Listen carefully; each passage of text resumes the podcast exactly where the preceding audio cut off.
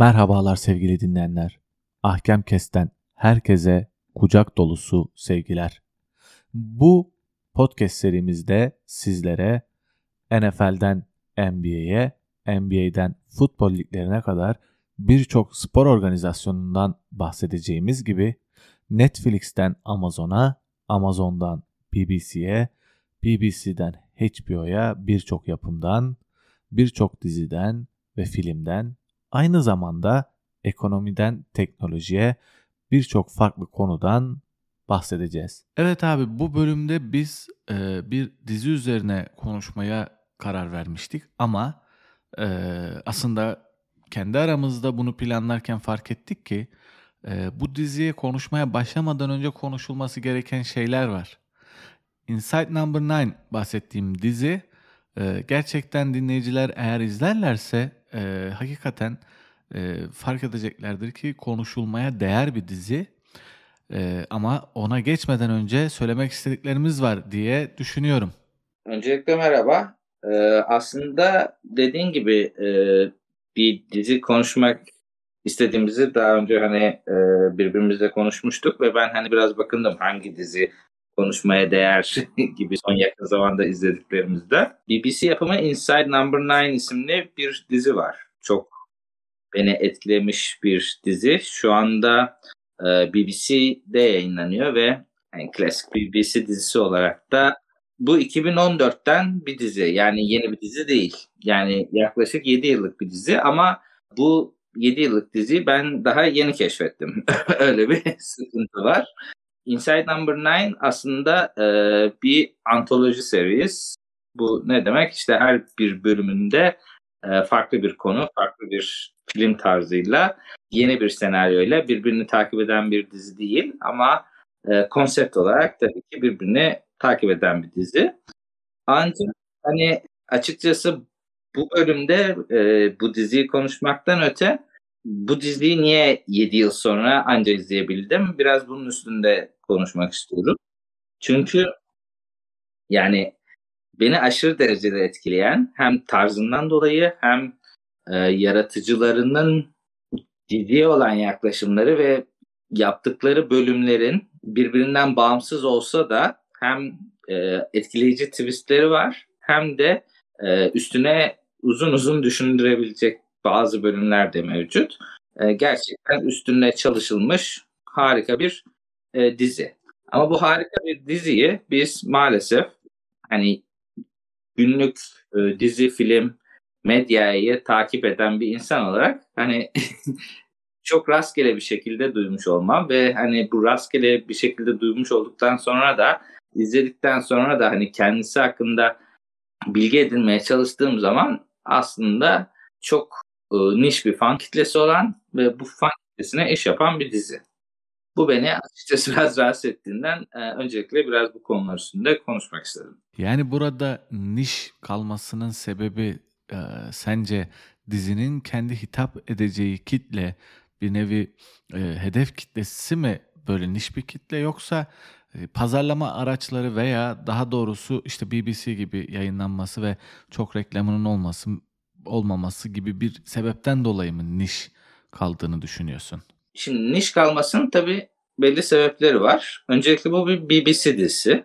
BBC dizisi olduğu için de e, açıkçası hani bir devlet kanalının çektiği bir dizi ve devlet kanalı çektiği için de açıkçası bir e, promosyona da ihtiyaç duymayan bir dizi. Hani e, Türkiye'de hani TRT 2 konsepti gibi e, burada da işte İngiltere'de de BBC 2 ve BBC 4 e, dizisi ve BBC 2 ve, ve BBC 4 kitlesi gibi bir kitle mevcut. Ama hani bu kitlenin de aslında ben biraz daha internasyonel olmasını bekliyorum. Yani e, BBC 2 yayınlarını ya da BBC 4 dediğimiz daha kültür sanat ve hani sanat açısından daha üst seviyedeki bir kitlenin takip ettiği şeylerin de aslında international ortamlarda e, çıka, çıkabiliyor olmasını açıkçası bekliyorum. Ama e, hem bu devlet kanalı olmasından ve hani devlet yapısı, devlet zihniyeti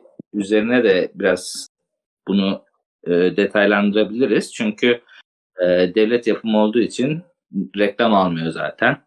BBC'de reklam yok. E, reklam almadığı için hani bir izlenme sayısı üstünden de bir e, açıkçası e, rekabet oluşmadığı için de yani kendi çapında biraz e, kompakt bir dizi olarak kalmış. Yani burada bir tabii devlet televizyonu tarafından e, yayınlanıyor olmasından kaynaklı bir politika mı var? Acaba hani bu zaten devlet televizyona yapılan bir iş, bu kanalı izleyenlere hasredilmiş bir iş. Böyle bir politikası var. Biz bunun reklamını yapacak değiliz. İzleyen izlesin. Zaten bir gelir gider kaygımız yok. Devlet tarafından, vergilerden kendi payımızı alıyoruz. Buraya yapılan işleri de yapacak kişiler böyle bir kaygıyla yapsınlar. Hani çok kişiye ulaştıralım, işte reklamını yapalım, pazara sokalım falan değil de burayı izleyenler izlesin. Böyle bir politikanın eseri olarak mı görüyorsun bunu? Ya ben politik olduğunu düşünmüyorum. Bu açıkçası biraz beceriksizlik. Yani e, bir, hani bilerek yapılan biz bunun izlenmesini daha niş bir kitleye hitap ettirelim gibi bir şey yok. Ama e, hani elde bir kamu kaynağı var. Bu kamu kaynağını aslında e, Türk aydınlarının da çok sevebileceği şekilde iyi ürünler üretecek şekilde de kullanabiliyorlar. Ama e, bu iyi ürünleri hani sadece üretmek aslında yeterli değil. Biraz da hani bunun pazarlamasına yönelik e, belki başka platformlara satmak, başka platformlarda e, görülmesini sağlamak ya da çok farklı bir şekilde promosyonlarının yapılması gibi kaygılar güdülebilir aslında.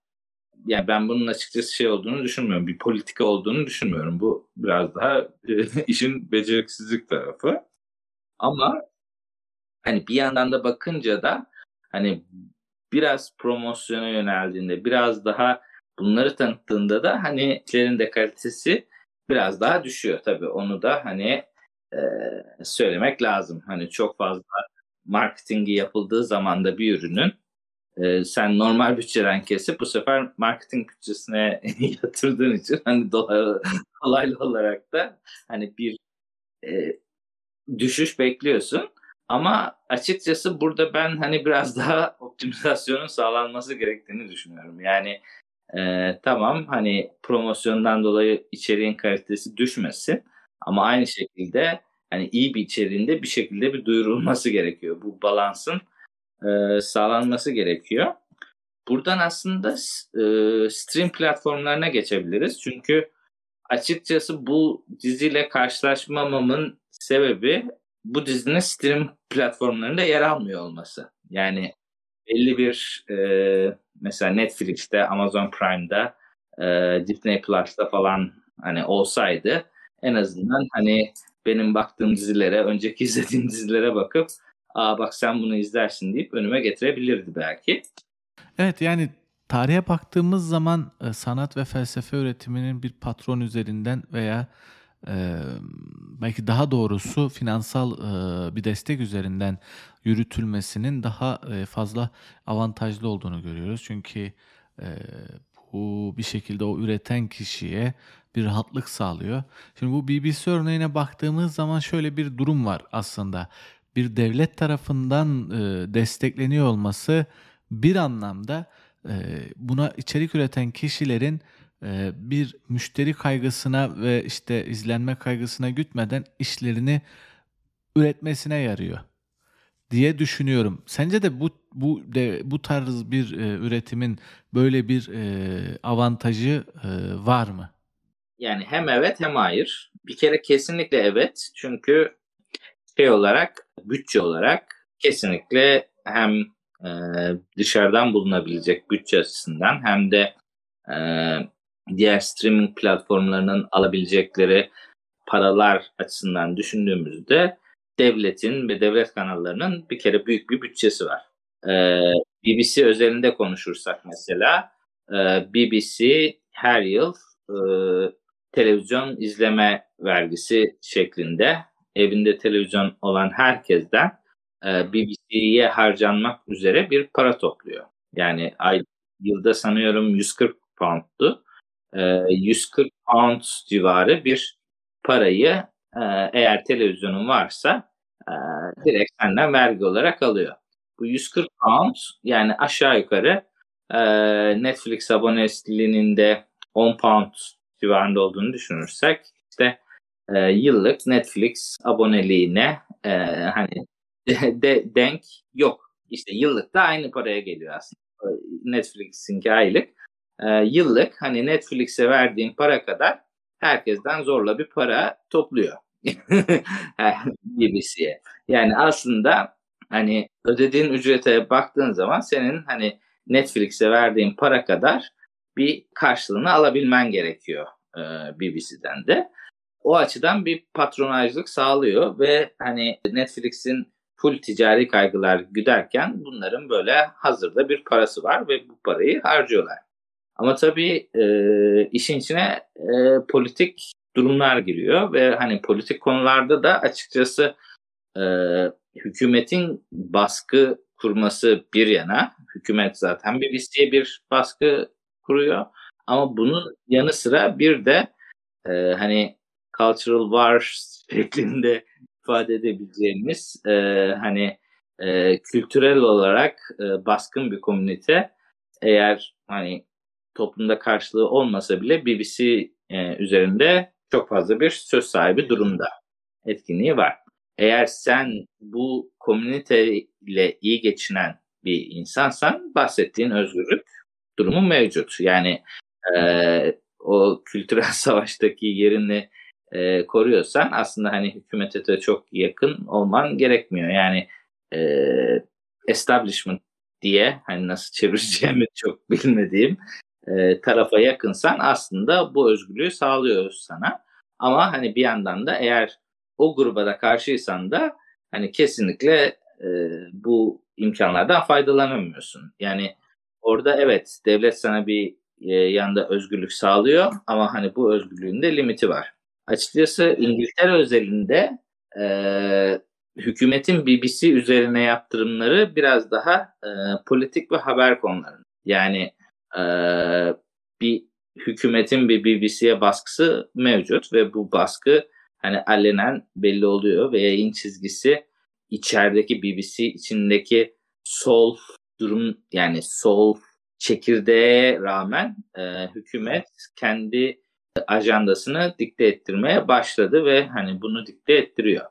Ama e, hükümetin fokusu daha çok açıkçası e, şey üstüne. Hani her muhafazakar hükümet gibi e, biraz daha ekonomi konuları, e, haber konuları, hani haber bültenleri üstünde bir baskı kuruyor ama e, açıkçası ben e, dizilerde veya işte e, daha kültür sanat yapımlarında hani o baskının açıkçası BBC üzerinde olmadığını düşünüyorum.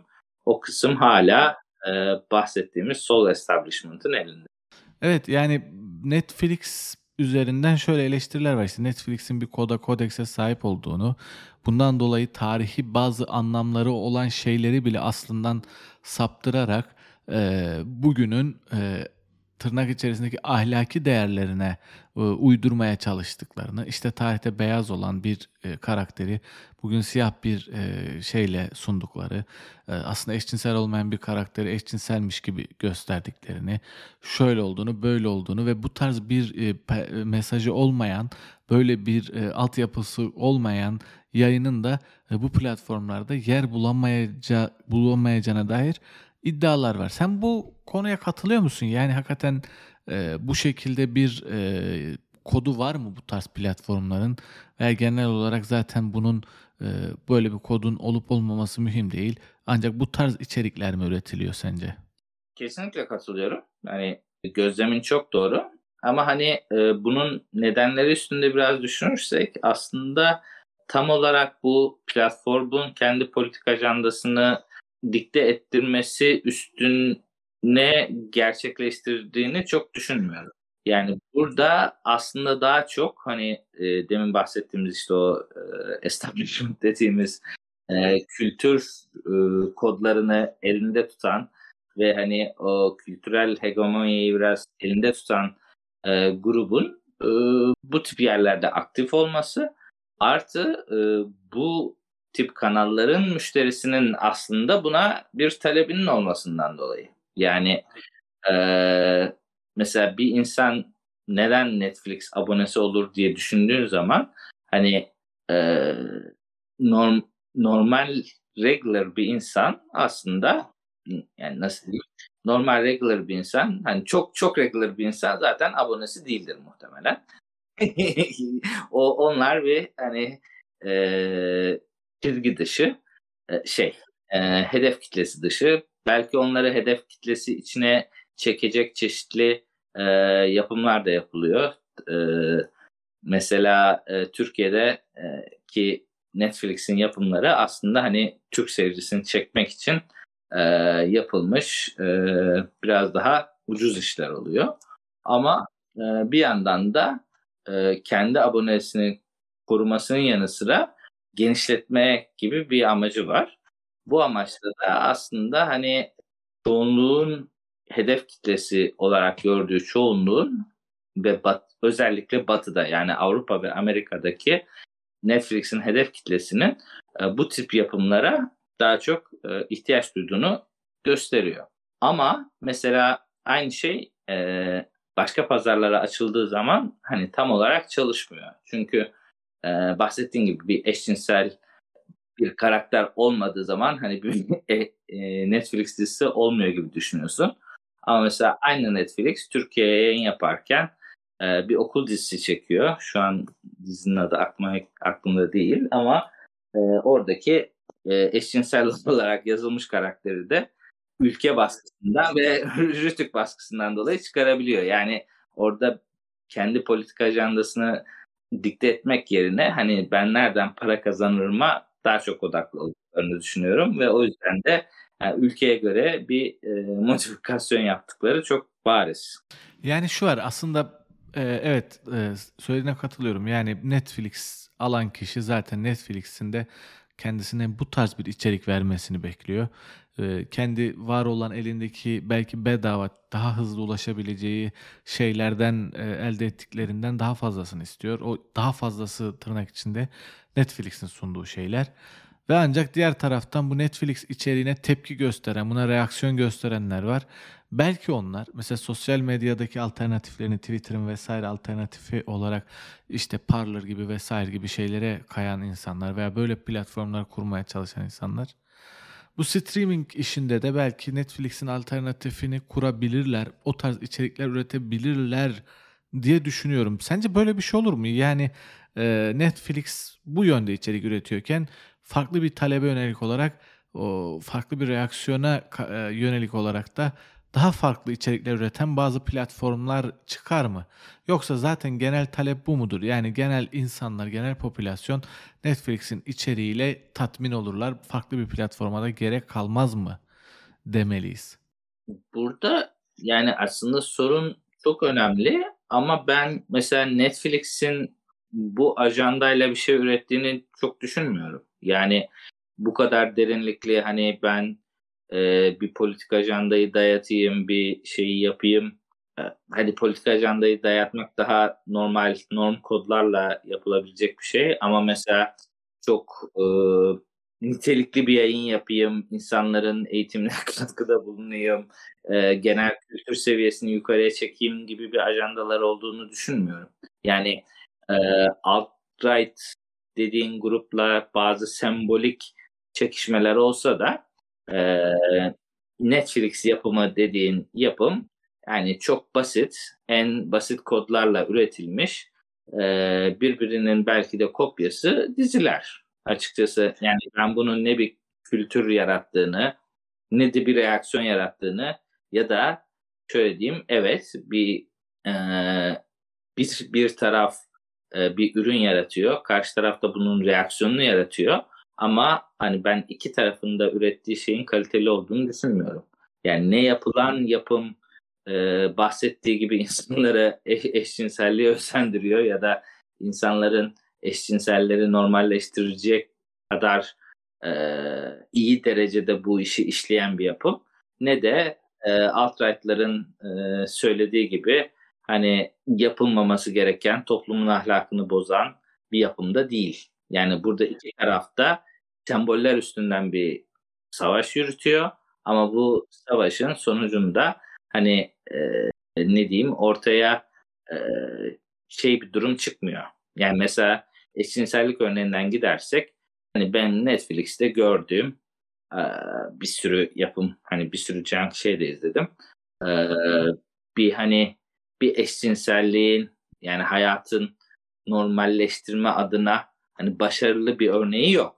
Yani her bir eşcinsel var ama hani şu hero çok iyi eşcinsel e, ve ben bunu e, genç olarak hayatıma e, örnek aldım diyebilecek bir dizi değil. Ama mesela yıllar önce bir İstanbul masalında bu konu çok daha net işlenmiş. Hani e, orada da bilmiyorum gençler hatırlar mı hatırlamaz mı bir İstanbul Masalı isimli dizide e, başrolümüz e, Selim Arhan'ın en yakın arkadaşı mesela eşcinsel çıkıyordu ve eşcinsel olduğunu öğrendiği zaman böyle şok yaşıyordu ve bunu e, kabullenme süreci mesela o dizide bundan 10 sene önce çok daha güzel anlatılmıştı ve hani orada bir hani e, senaryoya girişinde ve hani açıklamasında e, şu anki e, durumdan çok daha e, insanların kabullenmesini arttırıcı e, bir durum vardı. Şu anda daha çok hani Netflix'in yaptığı daha çok aa bu da var. Ee, çok hani çok beğendiğim aslında bir karikatür var. Netflix'teki Müslüman diye bir kısaca şey diyor işte bir tane adam geliyor. Hadi kasırga geliyor gidelim burada bir şey yapalım diyor. İşte bizi tuzluk gibi buraya koymuşlar diye o, bu karikatürü de bunun altına koyabiliriz. Hani e, gerçekten hani tuzluk gibi konulmuş hani çeşitli e, sinyallemelerin olduğu ama hani bu sinyallemelerin hiçbir şekilde bir e, karaktere hiçbir derinlik katılmadığı diziler. O, açıkçası ben bunun da çok e, hatalı olduğunu düşünmüyorum. Çok kendilerine göre e, belki de en iyi yöntem budur. Hani kendilerine göre e, böylece seyirci sayılarını belki arttırma açısından şey e, bir katkısı oluyordur.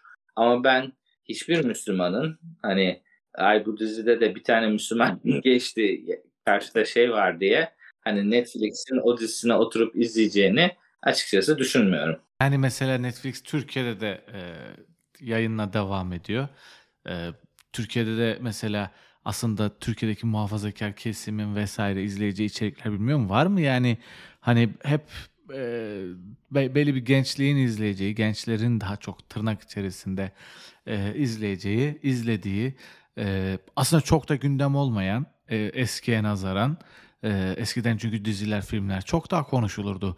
Basit gündelik işler içerisinde çok daha konuşulurdu. Yani hatta o Hürrem Mürrem bir şeyler vardı falan onlar bile çok konuşulurdu. Netflix'te bilemiyorum yani bu tarz şeyleri ben e, göremiyorum o hani pazarlama açısından. Nasıl yok ya? Burada araya gireceğim. Yani her yer her, her yer ecdat dizisi ya. Yani Netflix'te bir kere şunlar var. Bahsettiğin o TRT ecdat dizileri yani e, demin BBC'de uzun uzun bahsedip e, aslında biraz övdüğümüz hani budget'tan gelen ama bu sefer tam tersi bir şekilde hani TRT'nin e, böyle şey için yaptığı hani Diriliş Ertuğrul gibi diziler de aslında hani belli bir süre geçtikten sonra Netflix'e giriyor. Yani var.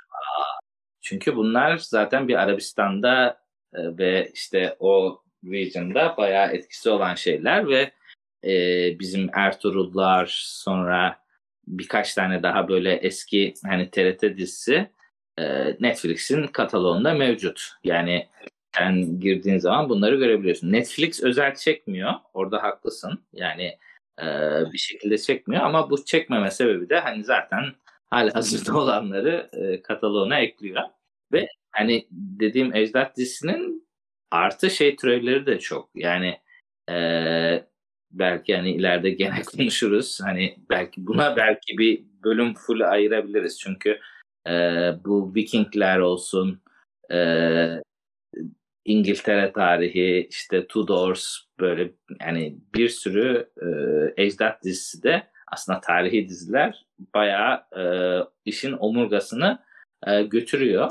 Ee, hani bunlardan bir kısmı kaliteli bir kısmı kalitesiz. Hani onları tabii tartmak lazım ama aslında bu tip tarihi diziler e, bahsettiğin hani o niş kitleye de aslında hitap eden e, bazı diziler de burada mevcut. Yani burada hani e, demin e, soruyu sorarken e, girdiğin hani aslında bu platformların amacı e, var olan omurga müşterisini korumak ve e, yeni e, müşteriyi nasıl çekeceğine bakmak. Yani şu andaki e, en büyük stratejileri bu. Hatta e, bazı hani grupları çantadaki eklik görüp büyüme kısımlarını e, daha çok bu tip e, dizilere e, yöneltiyorlar. Ve hani bu büyümede aslında yaptıkları şey e, ilk başta e, konuştuğumuz e, belli kalıpları olan dizilerin hani birbirlerinin kopyası çeşitli versiyonlarını çıkartıp aslında hitap ettiği edebildiği kadar çok e, kitleye hitap etmek istiyorlar. Yani e, eskiden hani Netflix öncesi dönem dediğim bir dizi belki 8-10 sezon sürebiliyordu ve 8-10 sezon sürerken e, yılda genelde 22-25 arası bölümü oluyordu. Yani e, bir dizi böyle hani uzun konuştuğum zaman aslında böyle hani 200 bölümlük dizi aslında bir standart dizi paketi gibi bir şeydi. Yani sen yılda 20 bölüm çekersin. O 20 bölüm çektiğin için de şey olurdu. Ama bu Netflix'in yeni e, durumuna göre diziler e, bir kere haftada bir yayınlanmıyor. Her şeyden öte. E, hepsini birden salıyorlar. Hepsini birden saldıkları için de hani 20-22 bölümlük bir sezon tabii çok uzun bir sezon oluyor. Onun yerine hani daha e, Netflix formatı 10, 10 bölüme düşüp o 10 bölümlük diziyi de aslında hani 2 e, ya da 3 sezondan fazla yürütme e, ihtiyacı duymuyorlar. Hani çok çok çok nadir işte Crown'dır, Casa de Papel gibi diziler bu 2 3 sezon baremini geçse bile hani Netflix'in ürettiği çoğu dizi hani 2 ya da 3 sezonda e, sona eriyor e, ve hani bu konseptli bir şeyi e, library'e ekledik. Hani e, ilgisi olan bakabilir ama hani bu de daha fazla bütçe ayırmaya gerek yok deyip hemen başka bir tip e, diziye geçebiliyorlar. O, o yüzden de aslında hani bu bahsettiğim prototipleşme daha net görülüyor. Yani eskiden bir dizi 4 sezon sürerken veya işte 4 demeyeyim 6 sezon sürerken bu 6 sezonda e, birçok e, e, olay aynı dizi içinde yer alması gibi diziler arasında da konsept olarak çok farklılaşma gerektiriyor. Yani e, o sezon işte nasıl derler işte perşembe günü bir dizi alıyor. Cuma'yı bir dizi alıyor. Böyle hani böldüğün zaman o sezon gerçekten piyasaya çıkacak. E, diyelim 10 tane dizi var. O 10 tane dizinin birbirinden e, ayrışması gerekiyordu ki e, kendi reytingini yapsın ve kendi e, slotunu bulabilsin. Ama şu an öyle bir ihtiyaç yok. Şu an her yere açık bir platform var. O platform olduğu için de bu farklılaşma yerine biraz daha seri üretime geçiyorlar. E, bu açıkçası benim e, işte e, en çok rahatsız olduğum konu aslında. Hani e, daha iyi bir dizi üretip e, insanlara ulaşmak yerine Netflix'in kendi algoritmasını kullanıp hani insanlara tabii insanlara izleneceği şeyi de kendi platformu üzerinden verdiği için sonuçta bir insan e, platforma abone oluyor. Abone olduktan sonra da e, bir izlediği şeyler artık biraz daha algoritmanın kendisine gösterdiği, biraz daha işte eski izlediklerinden e, türemiş e, algıya göre e, önerilen diziler üstünden gidiyor. Yani bir insan artık dizi seçerken e, çok fazla hani dışarıdan duyduklarının yanı sıra Netflix'in ana sayfasında o gün ne varsa aslında etraftan duyduğu da o dizi oluyor ve genelde o diziyi izliyor. Önünde zaten hani e, izleyebileceğinden de çok bir üretim var. Birbirinin aynısı gibi e, şey yapsak da sonuç olarak hani e, çok fazla bir dizi üretiliyor.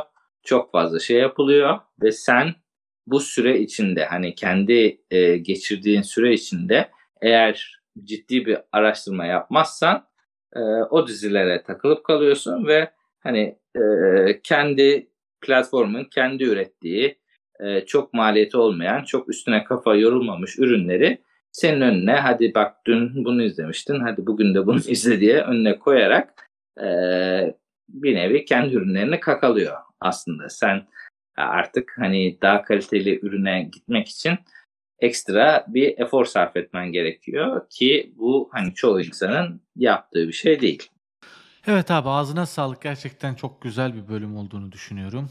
Ee, dinleyenlere de çok teşekkür ederiz. Bir sonraki bölümde görüşmek üzere. Sevgiler, selamlar efendim.